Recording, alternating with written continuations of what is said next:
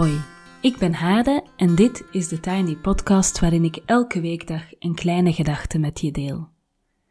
Vandaag is het 28 april 2021 en de kleine gedachte gaat over de puzzel van je ontwikkeling.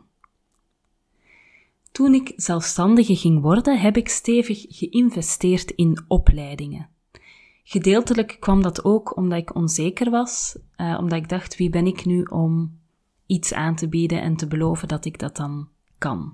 Hoewel ik natuurlijk in loondienst al flink wat jaren op de teller had als adviseur en onderzoeker.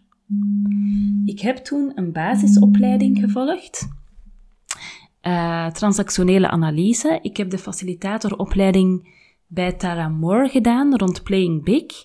En ik heb alle vier de levels Deep Democracy gedaan, zodat ik Deep Democracy facilitator werd.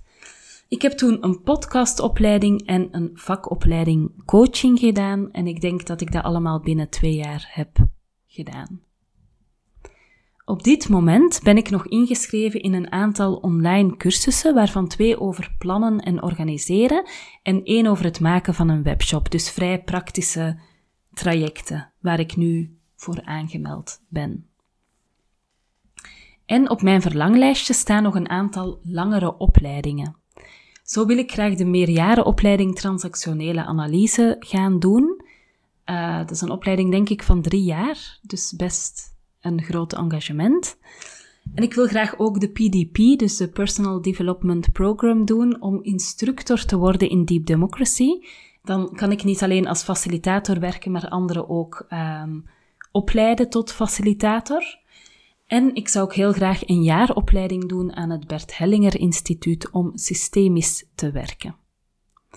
Alleen sta ik even op de rem momenteel om zulke trajecten te starten. En dat heeft niet zozeer alleen met geld te maken of met corona. Uh, het financiële luikje gaat erover dat die opleidingen allemaal duur zijn, dus dat is best een keuze om dan voor zo'n opleiding te kiezen. Um, en corona maakt dat heel veel opleidingen die normaal gezien op een fijne locatie zijn, waarvoor je echt even weg bent, dat je die achter je computer volgt. En voor mij is dat toch ook iets om over na te denken. Um, maar dat zijn voor mij niet de doorslaggevende barrières op dit moment. Uh, wat wel op dit moment mij tegenhoudt, is de balans tussen het innerlijke bewustzijnswerk dat ik te doen heb en het leren dat ik graag wil doen. Het lijkt soms alsof er twee sporen zijn. Het ene spoor is dus mijn innerlijke bewustzijnswerk. En voor mij hoort daarbij dat ik morningpages schrijf, deelneem aan een vrouwencirkel, me laat coachen, therapie volg als ik vind dat ik dat nodig heb en vooral ook heel veel lees. Maar ook leef en experimenteer.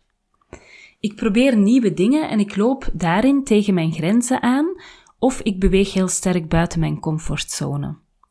Zo ben ik al een tijd bezig met het creëren van een webshop met zelf ontwikkelde producten en ik voel dat ik daar een soort van groeiruimte te nemen heb en die gaat over risico's nemen, materiële zaken, investeren, iets groter en iets solide neerzetten en vooral heel veel keuzes maken. Het is echt absurd hoeveel keuzes je moet maken als je een concreet fysiek product op de markt wilt brengen. Daarnaast ben ik onder andere aan het experimenteren met het festival. Op 9 mei is er een festival, uh, Tijd voor Mij Festival, van 8 tot 10 s'avonds. Um, en ik heb dus bewust besloten om een keer een eenmalige gebeurtenis te maken voor een wat groter publiek. En dat ligt best buiten mijn comfortzone. Niet alleen is het een financieel risico, ik heb allemaal andere mensen ingehuurd om workshops te geven, maar het betekent dus ook dat ik met al die andere vrouwen samenwerk, dus zowel de andere workshopleiders als de zangeres die een concert komt geven, als mijn uh, ontwerpster die voor een aantal dingen aan het zorgen is. Maar ook de vrouw met wie ik samen uh, het cadeautje dat elke deelnemer krijgt uh, ontwerp, ontwikkel. En waar we ook merken dat we verschillende dingen opvallend of belangrijk vinden, waar altijd even over moet afgestemd worden. Ehm, en dat is dus best, ja, brengt veel leerpunten met zich mee en ook best veel uitdagingen. Het festival vraagt van mij dat ik echt aan het stuur ga zitten en dat is een plek die ik niet zo spontaan inneem. Omdat ik daar, denk ik, een beetje terughoudend en bescheiden in ben. Een tijd lang was ik dus bezig op dat andere spoor, het spoor van het leren, waar ik allerlei tools, vaardigheden, kennis en kaders aan het verwerven was. En ik merk dat beide sporen zich tot elkaar verhouden. Het lijkt alsof ik op dat ene spoor van het leren en het voeding tot mij nemen, dat ik daar even moet afremmen om bij te benen op het innerlijke bewustzijnswerkspoor. En ik vertrouw ervan dat er op een bepaald moment vanzelf weer ruimte komt om een van mijn ambitieuze vervolgplannen uh, op te pakken als beide sporen elkaar weer raken. En tegelijkertijd probeer ik ook voor mezelf goed in beeld te houden dat het ook wel goed is waar ik nu sta.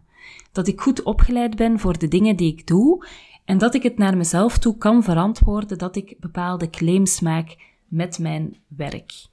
Um, ik vind het soms zelf wel wat spannend om te zien dat er heel veel coaches zijn, heel veel mensen die cursussen aanbieden. Um, of mensen die groepen begeleiden bijvoorbeeld, waarvan ik soms mij de vraag stel welke basis er ligt onder dat aanbod. Hè. Dus bijvoorbeeld met groepen werken is volgens mij echt een vak apart, waar sommige mensen een natuurlijk um, talent voor hebben, maar waarvan ik denk dat het ook altijd heel belangrijk is om je daar goed in opgeleid te weten, zodat je niet, ja, zodat je geen fouten maakt daarin die mogelijk heel veel impact kunnen hebben op mensen die in die groepen zitten waar jij dan mee werkt. Ik ben heel benieuwd uh, hoe dit uh, hele verhaal, hoe dat er bij jullie uitziet. Welke stappen zet jij op beide sporen? Wat vind je op die sporen? Lopen jouw sporen parallel, dat van het innerlijke bewustzijnswerk en dat van het leren, of meanderen ze lang voor ze elkaar weer raken? Ik ben heel benieuwd naar verhalen hierover en je mag me zeker mailen op thetinypodcast.gmail.com als je graag een verhaal met me deelt dat ik al dan niet anoniem mag meenemen in de podcast. In mijn werk volg ik langere tijd vrouwen die op het pad van het innerlijke bewustzijnswerk bewegen. En ik vind het heel magisch om dat mee te mogen maken. Het is een pad waar veel op te ruimen is, veel te doorvoelen, pijn, verdriet, inzichten, dingen moeten losgelaten worden. Soms worden er op dat pad harde keuzes gemaakt. Uh, je loopt heel vaak tegen jezelf aan. Soms heb je het gevoel van één stapje vooruit, drie achteruit. Uh, ik zie mensen ook echt tot inkeer komen. Uh, er is ook vaak boosheid. En dat vind ik heel mooi, want dat is heel krachtig. Maar er is ook heel veel magie. Er is altijd magie. Als je een keer wil deelnemen aan een van mijn cursussen, dan ga ik heel graag met jou mee op jouw pad. Neem even een kijkje uh, naar mijn aanbod via de link in de show notes. En op korte termijn kan ik je van harte uitnodigen voor het Tijd voor Mij Festival, een soort kennismaking op 9 mei s'avonds. En de 30 Days of Morning Pages in juni komen er ook aan. Dat is een cursus waarin je elke dag drie bladzijden schrijft om zo heel sterk verbinding met jezelf te maken.